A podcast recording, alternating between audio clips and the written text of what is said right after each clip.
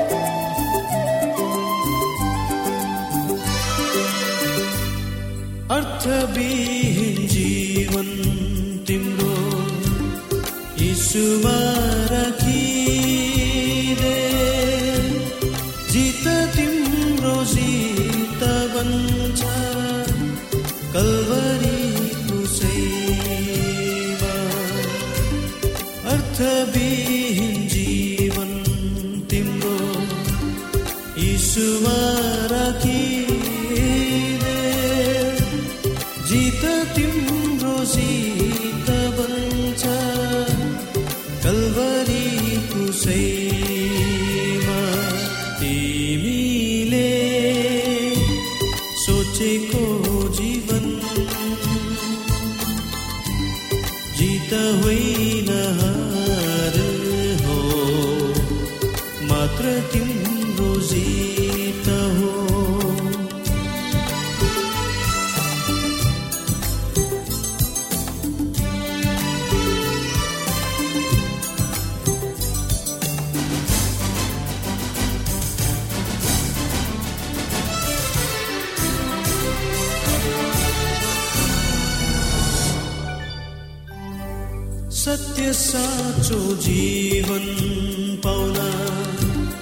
सम्भाल हार तिम्रो जित बन्छ। नयाँ जीवनमा सत्य साँचो जीवन यो समय तपाईँ एडभेन्टिस्ट ओल्ड रेडियोको प्रस्तुति भोइस अफ होप आशाको बाणी कार्यक्रम सुन्दै हुनुहुन्छ। श्रोता मित्र यो समय हामी पास्टर उमेश पोखरेलबाट आजको बाइबल सन्देश सुन्नेछौ। श्रोता साथी न्यानो क्रिस्टी अभिवादन साथ म तपाईँहरूको आफ्नै आफन्त पास्टर उमेश पोखरेल परमेश्वरको वचन लिएर यो रेडियो कार्यक्रम मार्फत पुनः तपाईँहरूको बिचमा उपस्थित भएको छु। मलाई आशा छ तपाईँले हाम्रा कार्यक्रमहरू नियमित रूपमा सुनेर परमेश्वरको प्रशस्त आशिषहरू प्राप्त गरिरहनु भएको छ। आजको प्रस्तुतिलाई पस्कनुभन्दा पहिले आउनुहोस् हामी परमेश्वरमा अगुवाईको लागि प्रार्थना राख्नेछौँ। जीवी जिउँदो महान दयालु परमेश्वर प्रभु हामी धन्यवादी छौँ तपाईँको पुत्र प्रभु यीशु क्रिस्ट र उहाँको मान प्रेम र बलिदानको लागि। यो रेडियो कार्यक्रमलाई प्रभु हामी तपाईँको हातमा राख्दछौँ। यसलाई तपाईँको राज्य महिमाको प्रचारको खातिर यो देश र सारा संसारमा पुर्याउनुहोस्। हाम्रा आदरणीय श्रोताहरूको साथमा तपाईँ हुनुहोस्। सबै बिन्ती प्रभु यीशुको नाममा।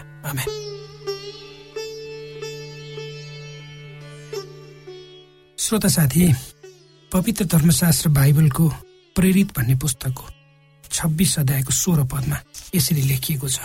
र यही पद पढेर म आजको प्रस्तुतिलाई अगाडि बढाउँछु। हेर तर उठ र आफ्नो पाउमा खडा हो। किनभने म ममा तिमीले देखेका र मैले तिमीलाई देखाउने कुराका निम्ति सेवक र साँची नियुक्त गर्ने उद्देश्यले म तिमी कहाँ देखा परेको छु। यदि परमेश्वरले तपाईँलाई कुनै कुराको नेतृत्व दिन बोलाउनु भयो भने त्यसपछि तपाईँ आफ्नो जिम्मेवारीलाई पुरा गर्नको निम्ति सबै किसिमले लाग्नुपर्छ अर्थात् मन वचन र कर्मले। पावललाई परमेश्वरले भन्नुभयो आफ्नै खुट्टामा उभि र आफ्नो सेवकाय वा काममा लाग। यहाँ हामीले बुझ्नुपर्ने कुरा के छ भने अगुवा अगुवा हुनको लागि के कुराहरूको ख्याल राख्नु पर्दछ र पहिलो कुरा श्रोता यदि तपाईँ परमेश्वरको कामको लागि तपाईँलाई बोलाइएको छ वा तपाईँ परमेश्वरको कामको लागि अगुवाई गर्न जाँदै हुनुहुन्छ भने यी कुराहरू ख्याल गर्नुहोस्। योग्यता पहिलो कुरा। तपाईँलाई दिएको जिम्मेवारी पुरा गर्न तपाईँ योग्य हुनुपर्छ। र आफ्नो क्षमतालाई तपाईँले जान्नुहोस् र आफ्नो सम्पूर्ण शक्तिलाई उद्देश्य प्राप्तिको खातिर प्रयोग गर्नुहोस्। त्यसको अर्थ तपाईँ आफ्नो क्षमता कमजोरी दुवैलाई जान्नुहुन्छ र आफूसँग भएको क्षमताद्वारा अरूलाई मद्दत गरेर उनीहरूलाई योग्यको बनाउन तयार हुनुहुन्छ। यो गर्नको लागि तपाईँ निश्चित हुन जरुरी छ। त्यसकारण तपाईँको योग्यताले तपाईँले गर्ने कामलाई निर्धारण गर्दछ। र दोस्रो कुरो साहस। भनिन्छ सबैभन्दा राम्रो निर्णय गर्ने तिनीहरू हुन् जो आफूले गरेको निर्णयहरूको खातिर दुःख झेल्न तयार हुन्छन् तर उनीहरू आफ्नो उद्देश्य प्राप्तिको खातिर लागिरहन्छन्। यसलाई यसरी पनि बुझ्न सकिन्छ श्रोता। यदि तपाईँ आफ्नो लक्ष्यमा दृढ हुनुहुन्छ वा तपाईँ लक्ष्य प्राप्तिको निम्ति प्रतिबद्ध हुनुहुन्छ भने। कहिलेकाहीँ यस्तो परिस्थिति आउन सक्छ तपाईँले राम्रो गर्न चाहँदा चाहँदै पनि। त्यो तपाईँले गर्ने कुराले अरूलाई असर गर्छ प्रत्यक्ष अप्रत्यक्ष रूपमा र ती मान्छेहरू तपाईँको विरोधी हुन सक्छन्। र त्यो अवस्थामा तपाईँले गर्ने कामले ल्याउने प्रतिकूल परिस्थितिसँग निरन्तर रूपमा लड्ने र प्रतिवाद गरेर आफ्नो लक्ष्यमा पुग्न जो मान्छे तयार रहन्छ त्यही मान्छे चाहिँ सही एउटा अगुवा हो भनेर हामीले बुझ्नुपर्छ। त्यसकारण कतिपय अवस्थामा अगुवाहरूले साहसिक निर्णय पनि लिनुपर्छ। परमेश्वरका अगुवाहरू धेरै चलाक मानिस नहुन सक्छन्। तिनीहरू त्यस्ता व्यक्तिहरू हुन्छन् जो आफ्नो कामको लागि अगाडि बढ्छन्। यस विषयमा पवित्र धर्मशास्त्र बाइबलको यहोसु भन्ने पुस्तकको एक अध्यायको सात पदमा यसरी लेखिएको छ। आउनुहोस् हामी पढौँ। यहोसु एक अध्यायको सात पद। हामी यहोसु एक अध्यायको छ र सात दुवै पद पढ्नेछौँ श्रोता। बलियो र खुब साहसी बन किनकि मैले तिनीहरूका पिता पुर्खाहरूलाई दिन्छु भनी प्रतिज्ञा गरेको देश तिनीहरूको अधिकारमा गराउन तैँले तिनीहरूलाई अगुवाई गर्नेछस्। बलियो र अति साहसी हो। मेरो दास मोसाले तँलाई आज्ञा गरे अनुसार सबै व्यवस्था पालन गर। त्यसबाट दाहिनेतिर वा देब्रेतिर नफर्काउनु र तँ जहाँ गए पनि सफलता पाउनेछस्। श्रोता साथी परमेश्वरले स्पष्ट रूपमा भन्नुभएको छ यहोसुलाई परमेश्वरले आज्ञा गर्नुभएको छ कि उहाँले जुन एउटा निर्देशन दिनुभएको छ त्यसलाई स्पष्ट रूपमा पालन गर्नु पर्यो डह्रो हुनु पर्यो र परमेश्वरको निर्देशन भन्दा दायाँ बायाँ लाग्नु भएन। यदि हामीले पनि हाम्रो जीवनमा परमेश्वरले दिनुभएको निर्देशनलाई हुबहु रूपमा पालन गरेर दायाँ बायाँ नहिरिकन अगाडि बढ्यो भने जसरी परमेश्वरले यहुसुलाई प्रतिज्ञा गर्नुभएको छ ऊ सफल हुनेछ भनेर त्यसरी नै हामी पनि आफ्नो जीवनको यात्रामा सफल हुन्छौँ। अर्को कुरा गुण भनेको स्पष्टता हुनुपर्छ। तपाईँको जीवनमा जीवनको एउटा मौका छ त्यो एकपटक मात्र आउन सक्छ। तर तपाईँको जीवन दर्शनमा पुग्ने क्रमहरूलाई बारम्बार तपाईँ सामु प्रकट गरिन सक्छ। त्यसकारण कुनै कुरा तपाईँको उद्देश्य प्राप्तिको बाटोमा आउँछ भने त्यसको उत्तर दिन वा सामना गर्न तपाईँ पछि नपर्नुहोस् वा आफूलाई पक्षघात भए झै नछोड्नुहोस्। अर्थात् आफ्नो लक्ष्य प्रति स्पष्ट हुनुहोस्। यद्यपि तपाईँलाई त्यो कसरी प्राप्त हुन्छ भने त्यसको सम्पूर्ण पक्षको बारेमा अहिले सबै कुरो थाहा नहुन सक्छ। तर तपाईँ आफूले गर्ने काम र आफूले पुग्ने त्यो गन्तव्यप्रति स्पष्ट हुनु पर्छ अर्को कुरो पाँचौँ कुरो श्रोता यो चाहिँ प्रशिक्षण हो। यदि तपाईँलाई कसैले सिकाउँदैन भने तपाईँले केही कुरो नयाँ कुरो जान्न सक्नुहुन्न। र तपाईँ एक अगुवाको रूपमा तपाईँले नयाँ नयाँ कुराहरू टेक्निकहरू विधिहरू प्रविधिहरू सिक्नुपर्ने हुन्छ र आफ्नै व्यक्तिगत अनुभव र ज्ञानको आधारमा सबै कुराहरू हामी सिक्न सक्दैनौँ। त्यसकारण एउटा अगुवाले आफूले नयाँ नयाँ कुरा ज्ञान प्रविधिलाई सिक्नु सिकाउनु पर्छ। र अर्को कुरो हो सबभन्दा महत्वपूर्ण चरित्र। यद्यपि चरित्र बिना तपाईँ अगुवाई गर्न सक्नुहोला। वा खराब मानिसहरूले पनि मान्छेलाई अगुवाई गरेको हामी देख्छौँ। खराब मानिसहरूले पनि धेरै मान्छेलाई आफ्नो पछि लगाएर हिँडेको हामी देख्छौँ।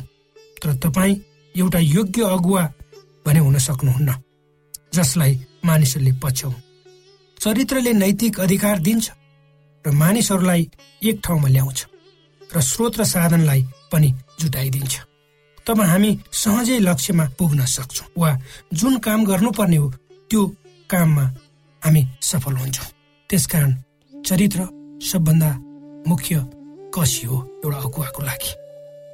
श्रोत साथी परमेश्वरले तपाईँलाई एक अगुवा हुनको निम्ति बोलाउनु भयो।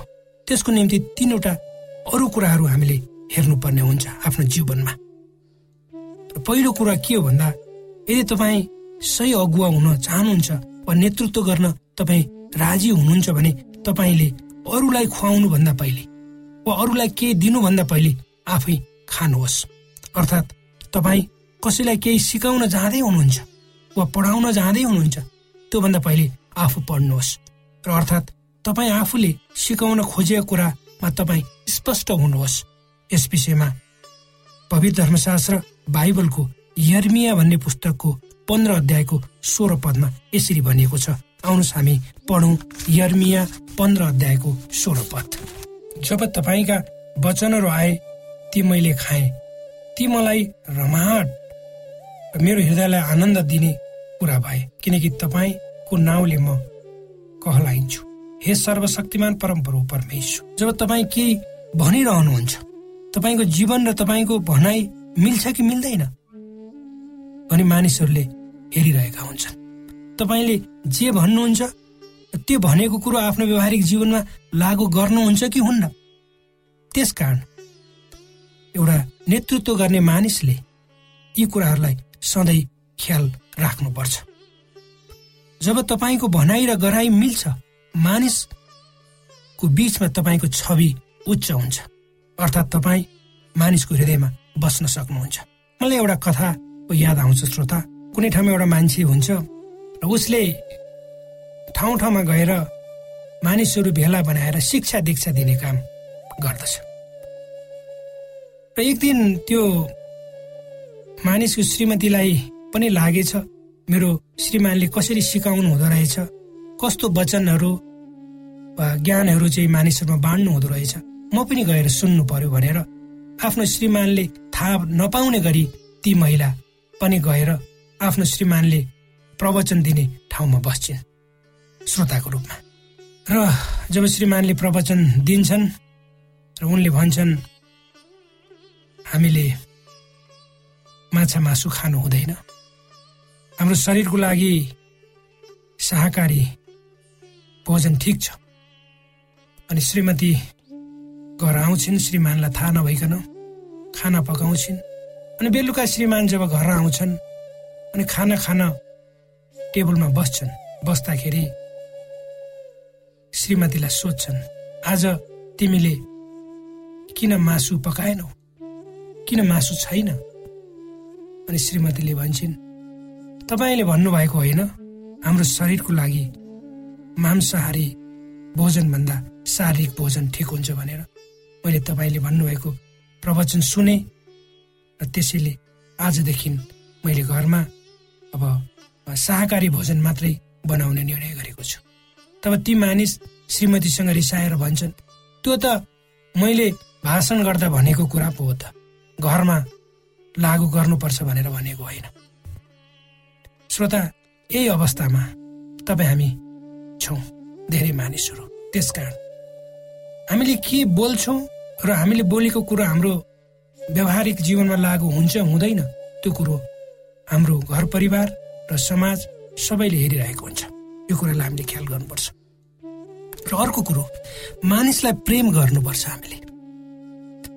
र यदि परमेश्वरको मण्डलीको अगुवाई गर्ने मान्छे तपाईँ हुनुहुन्छ भने त परमेश्वर प्रेम हुनुहुन्छ त्यस कारण तपाईँले परमेश्वरको प्रेम तपाईँको जीवनबाट प्रस्फुटित हुनुपर्छ देखिनुपर्छ।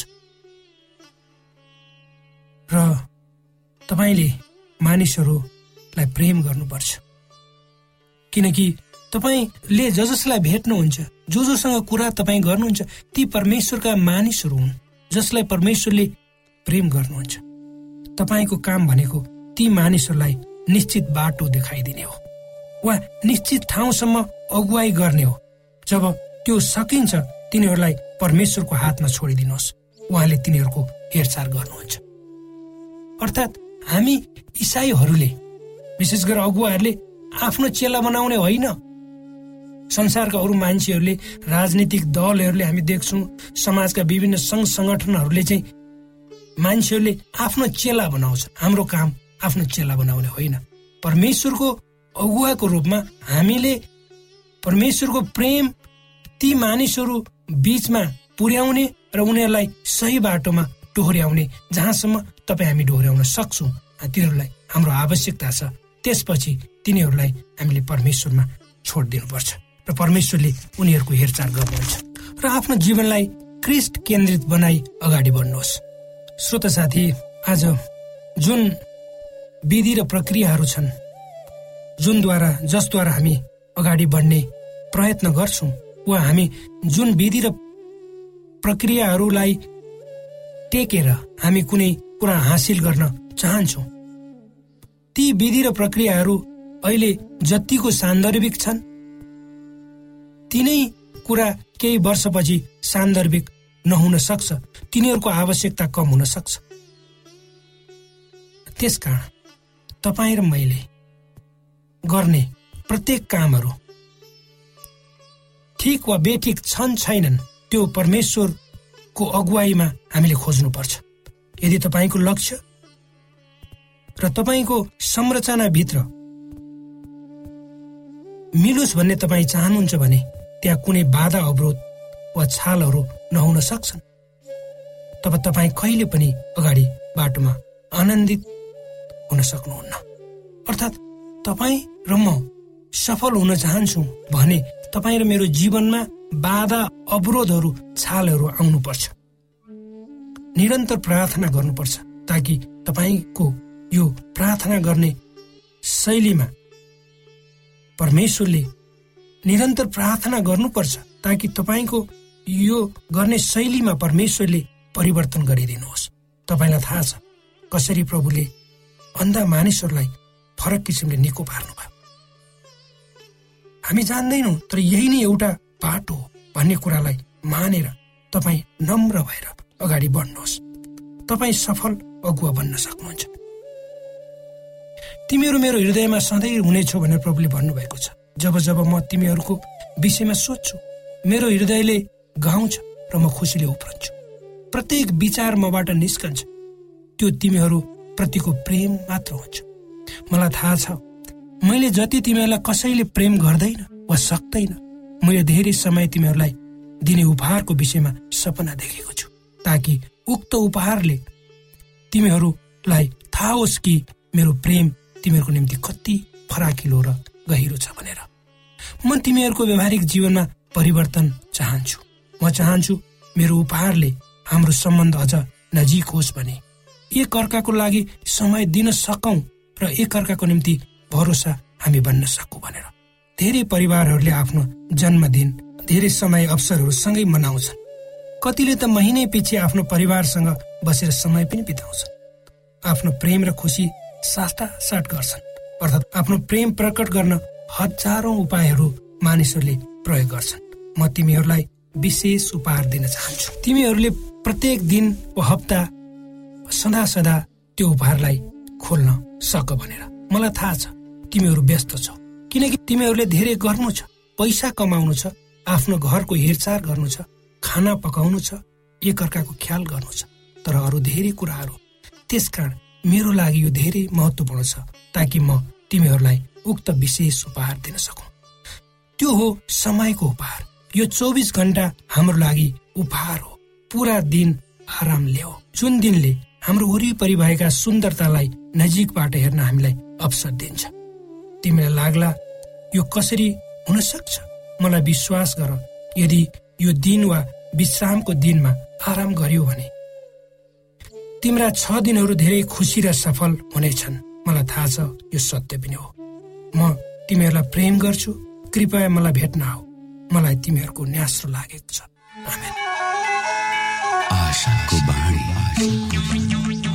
श्रोता भर्खरै यहाँले पास्टर उमेश पोखरेलबाट बाइबल वचन सुन्नुभयो। यो समय तपाईँ एडभेन्टिस्ट ओल्ड रेडियोको प्रस्तुति भोइस अफ होप आशाको बाणी कार्यक्रम सुन्दै हुनुहुन्छ। कार्यक्रम सुनेर बस्नुहुने सबै श्रोतालाई हामी हाम्रो कार्यक्रममा स्वागत गर्न चाहन्छौ।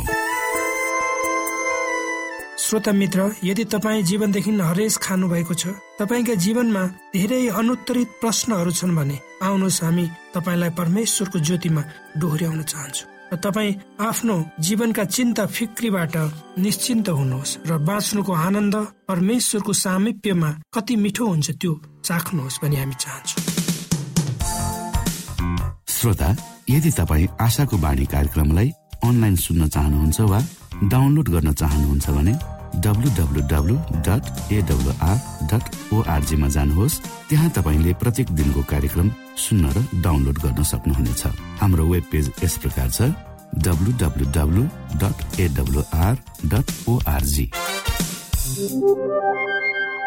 श्रोता यदि तपाईँ हामीसित सिधै फोनमा सम्पर्क गर्न चाहनुहुन्छ भने हाम्रा नम्बरहरू यस प्रकार छन्।